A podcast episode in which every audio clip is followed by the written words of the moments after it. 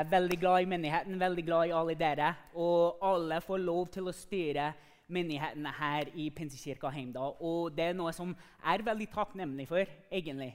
er At dere har en stemme om hvordan vi skal gjøre ting, hva vi ønsker å få til. Og det er egentlig dere som går her, som inspirerer oss, motiverer oss til å leve i Guds bilde for menigheten, og hvordan han ønsker at vi skal gjøre ting.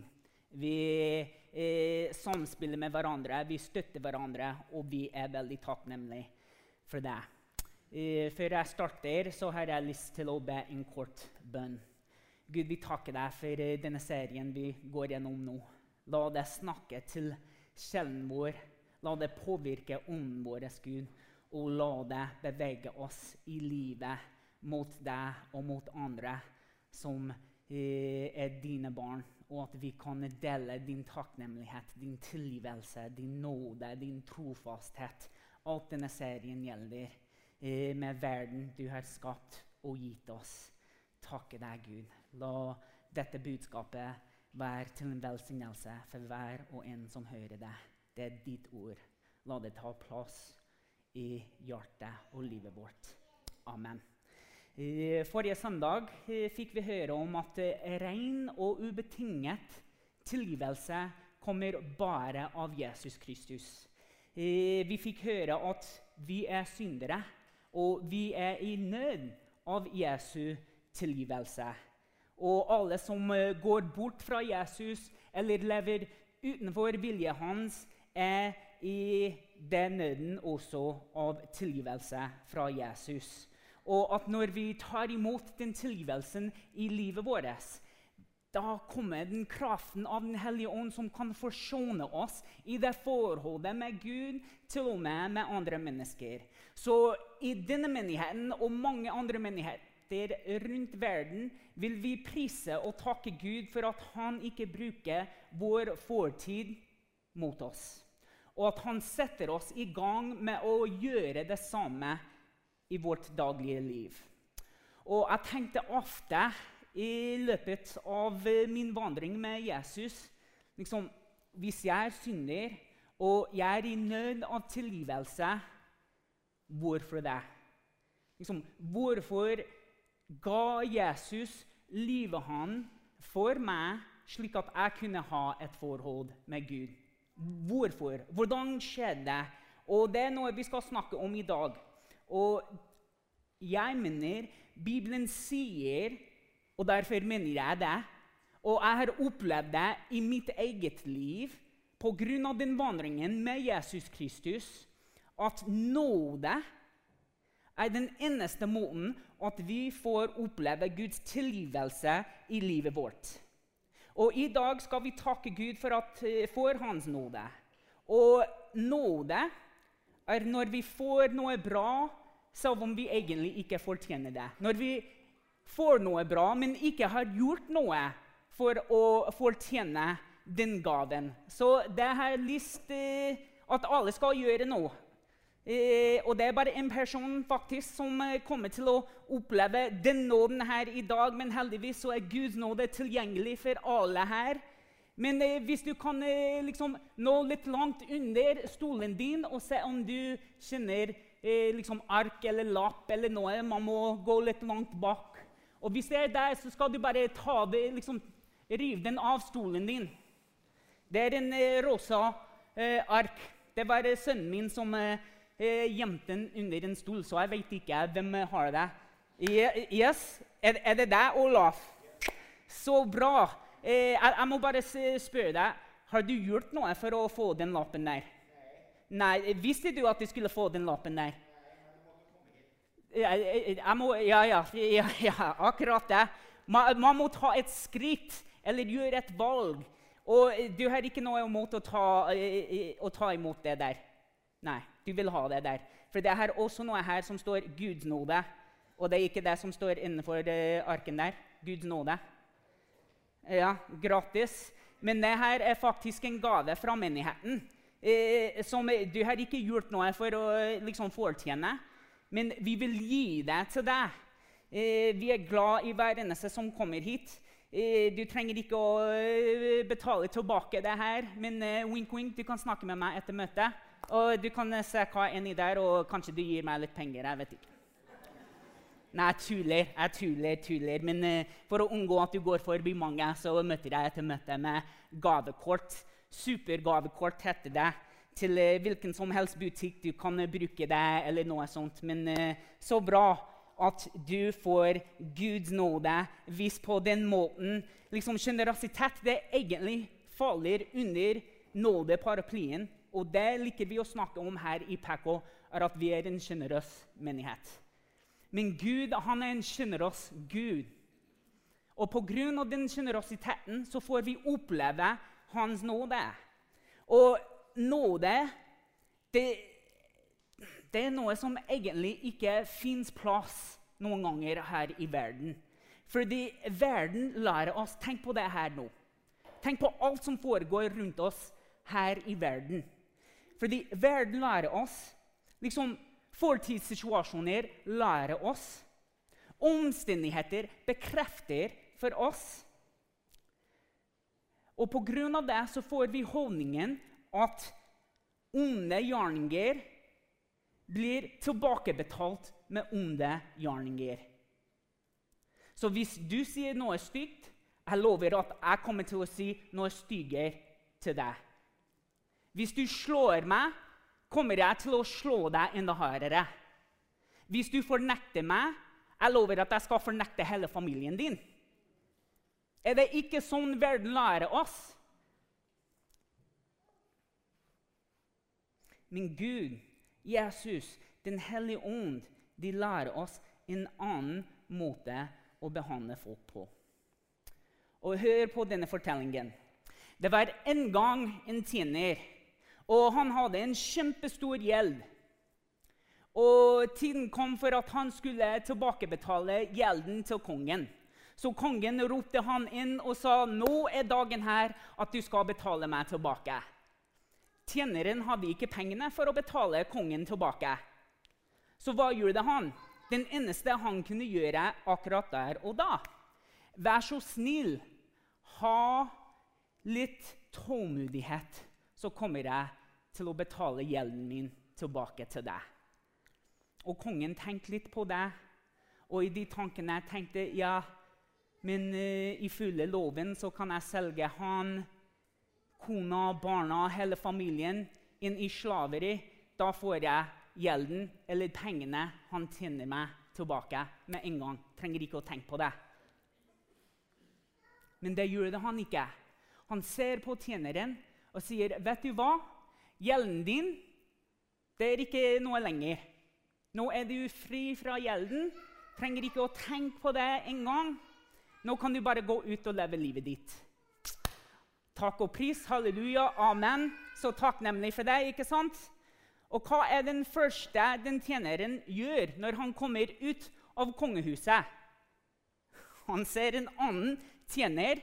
Han ser på ham, sier, 'Hei, er det ikke deg som eh, tjener meg gjeld?' Sånn, 'Ja, det er meg. Men vær så snill, vær tålmodig med meg. Gi meg litt tid, så betaler jeg gjelden jeg eh, tjener deg tilbake. Nei. Nei, det skal du ikke. Nå må du betale meg tilbake med en eneste gang. Og siden du ikke kan gjøre det, så skal jeg gjøre en sak ut av det her. Så den som må betale tilbake gjelden, blir arrestert, satt i fengsel. Og han som ble gjeldfri, tenker yes, nå må jeg ikke betale tilbake gjelden min. Nå har jeg fått litt ekstra penger, og livet er greit. Men det er ikke det som skjedde, fordi fortellingen er ikke ferdig. Når kongen hører det her, så gjør han til straffen med en gang. Han sier, 'Du som var nettopp tilgitt, vis nåde.' For den gjelden som du må betale meg tilbake, har du gikk ut og ga krav at noen må betale deg tilbake. Nå skal du i fengselet, og nå er jeg ferdig med deg. Det endte ikke så bra for den første tjeneren. Fordi kongen Han vil, han vil ikke vise nåde enda mer. Han tenkte det her var nok for å bekrefte for meg at du er egentlig nådeløs. Og du vet ikke den nåden du har tatt imot og fått. Og jeg kan love at om vi tror at vi skal betale tilbake onde gjerninger med flere onde gjerninger, akkurat som den første tjeneren gjorde det, til slutt går det dårlig for oss.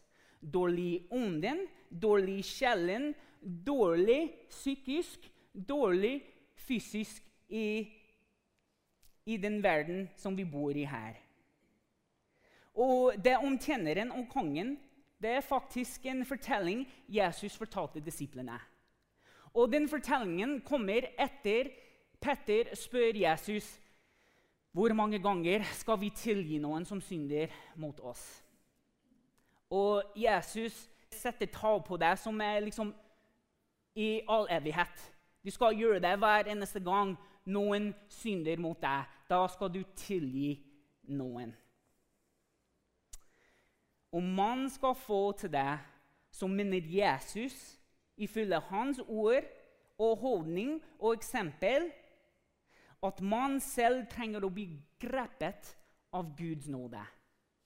Man må møte Guds nåde i sitt eget liv om de tror at de skal gi den samme tilgivelsen som vi selv har tatt imot av Gud gjennom Jesus Kristus.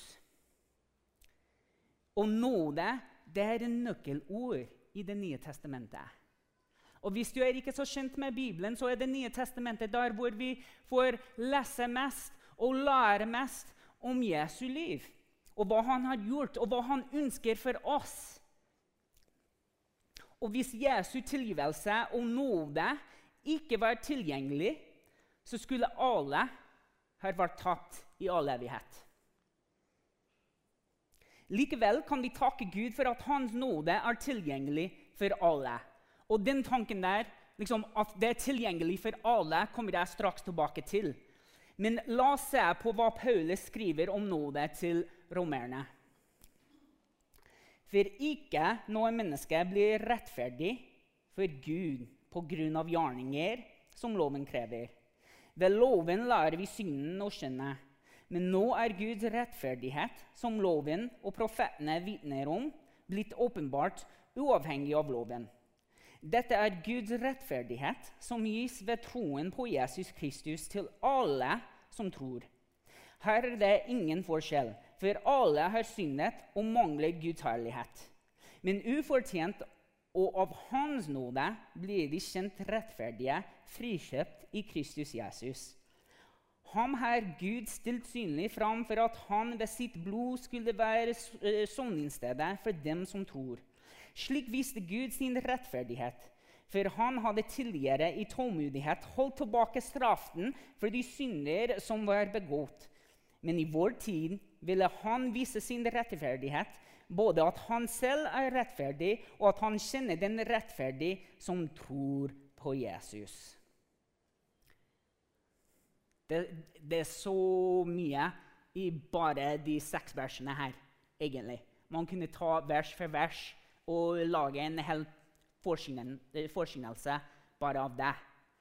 Men jeg ønsker å gi dere liksom en veldig konkret tanke nå, som jeg mener Paulus vil at eh, de i Roma skulle få med seg, og vi skal få med oss her i dag. Og det, det er at det man leser i Det gamle testamentet, de samme lovene eh, israelittene fikk av Moses, de gjør man ikke rettferdige.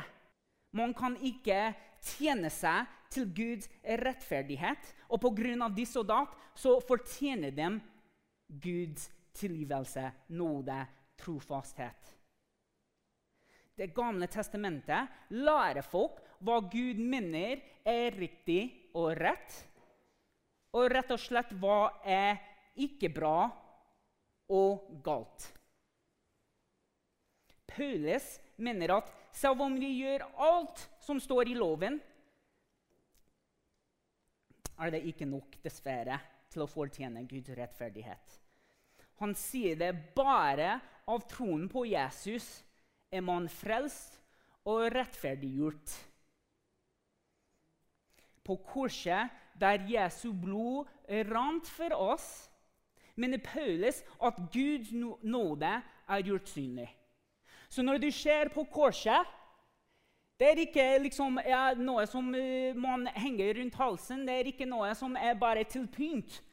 Her er hvor Guds tilgivelse, nåde og neste søndag, når vi snakker om trofasthet, blir synlig for hver eneste her. For hver eneste som åpner Bibelen, for hver eneste som har ører og hører om Jesus Kristus, mener Paulus at det er bare der at man er gjort rettferdig av sin tro på Jesus. Vær så snill, vær tålmodig med meg, var det det tjeneren sa. Og når man levde i forhold til Det gamle testamentet og alle lovene, det var akkurat det forholdet man var satt i med Gud. Den tjener kongen relasjonen. Vær så snill, hvis jeg klarer å gjøre alt det her, da, da fortjener jeg din nåde og blir rettferdig i dine øyne.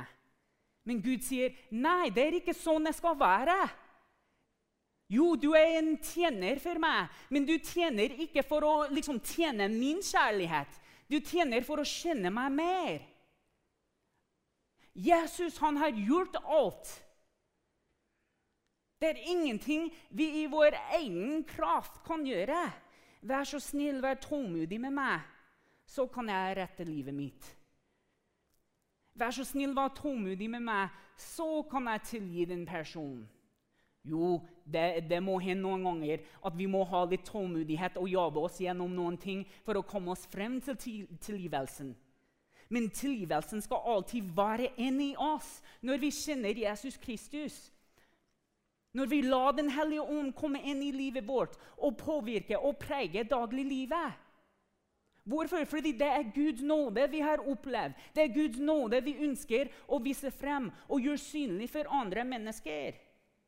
Og på grunn av Jesus, det at Gud er tålmodig med oss og viser oss nåde uten å straffe oss med straffen vi egentlig fortjener, og det er døden. Bibelen forteller oss når vi kommer i forhold med Jesus, er vi ikke bare tilgitt av våre synder, men da har vi også kommet i evig liv. Alltid i et forhold med Jesus, alltid i bildet hans. Alltid i tjeneste sammen med den kraften av Den hellige ånd. Peter, eh, Peter, Jeg vet ikke hvem Peter er, eh, men Petter sier det slikt. Men én ting, mine kjære, må dere ikke glemme. For Herren er en dag som tusen år, og tusen år som en dag. Herren er ikke sein med å oppfylle sitt løfte, som noen mener. Nei. Han er tålmodig med dere, for han vil ikke at noen skal gå fortapt, men at alle skal nå fram til omvendelse. Gud full, full av sin nåde, har gitt Jesus som forsoning for våre synder. Og i sin tålmodighet har vi fått sjansen til å leve i Hans nåde, en nåde vi bør gi videre. Nåde, nåde er ikke for bare de som Gud liker. Og Derfor er nåde ikke noe vi skulle vise folk som vi tenker fortjener det, eller som vi liker. Det er enkelt. Jeg kan gjøre ting for folk som jeg liker. Jeg kan vise tilgivelse og nåden og stille opp i trofasthet til de som jeg liker. Det koster meg ingenting, egentlig. Men å bøye meg ned i ydmykhet strekke ut hånden, gå et skritt videre og vise noen tilgivelse, trofasthet, til de som jeg tenker den personen trykker på knappen min hver eneste gang jeg møter dem. Det fins mennesker i vårt liv som gjør akkurat det. Men den nåden igjen som vi opplever, som vi egentlig ikke fortjener, er det Jesus kaller oss til å leve ut. For å bekrefte at riket hans er her på jorda. Det ble levd ut fra hver eneste av oss eh, liv. Ikke pga. hva vi får til, men pga. hva Jesus har gjort, og at den ånden han har gitt oss, lever i oss og blir blåst ut. Gud har gitt oss det for å vise det til andre mennesker. Tenk om Jesus nåde var bare fordi han likte det. Da er det kanskje, kanskje elleve stykk som kommer til å virkelig tilhøre han og vet alt om hva han tilbyr folk som følger etter ham. Men det er ikke det. Han kommer i forhold med hva Bibelen kaller syndere. Akkurat som hver en av oss her i dag og tilbyr dem sin nåde. Paulus skriver til sin venn Titus, som er ansvarlig for uh, menigheten i Kreta i den uh, tiden. Og i den menigheten kommer det spørsmål om hvem. Hvem fortjener Guds nåde? Er det de jødene? Er det de eh, sadukerere? Er det fariseerne? Hvem er det som eh, fortjener Guds nåde? Og her er vi tilbake, fordi nå har vi lest det flere ganger, at her er det tilgjengelig for alle. Og Paulus skriver noe så viktig, sikkert for eh, Titus i denne tiden, og så viktig for oss i vårt daglige liv og som menighet. Han skriver det her. For Guds nåde er blitt åpenbart til frelse for alle mennesker.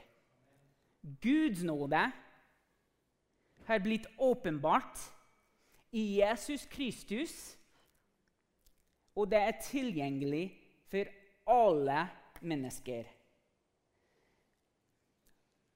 Nåde har ingenting å gjøre med hvem Gud liker eller ikke liker.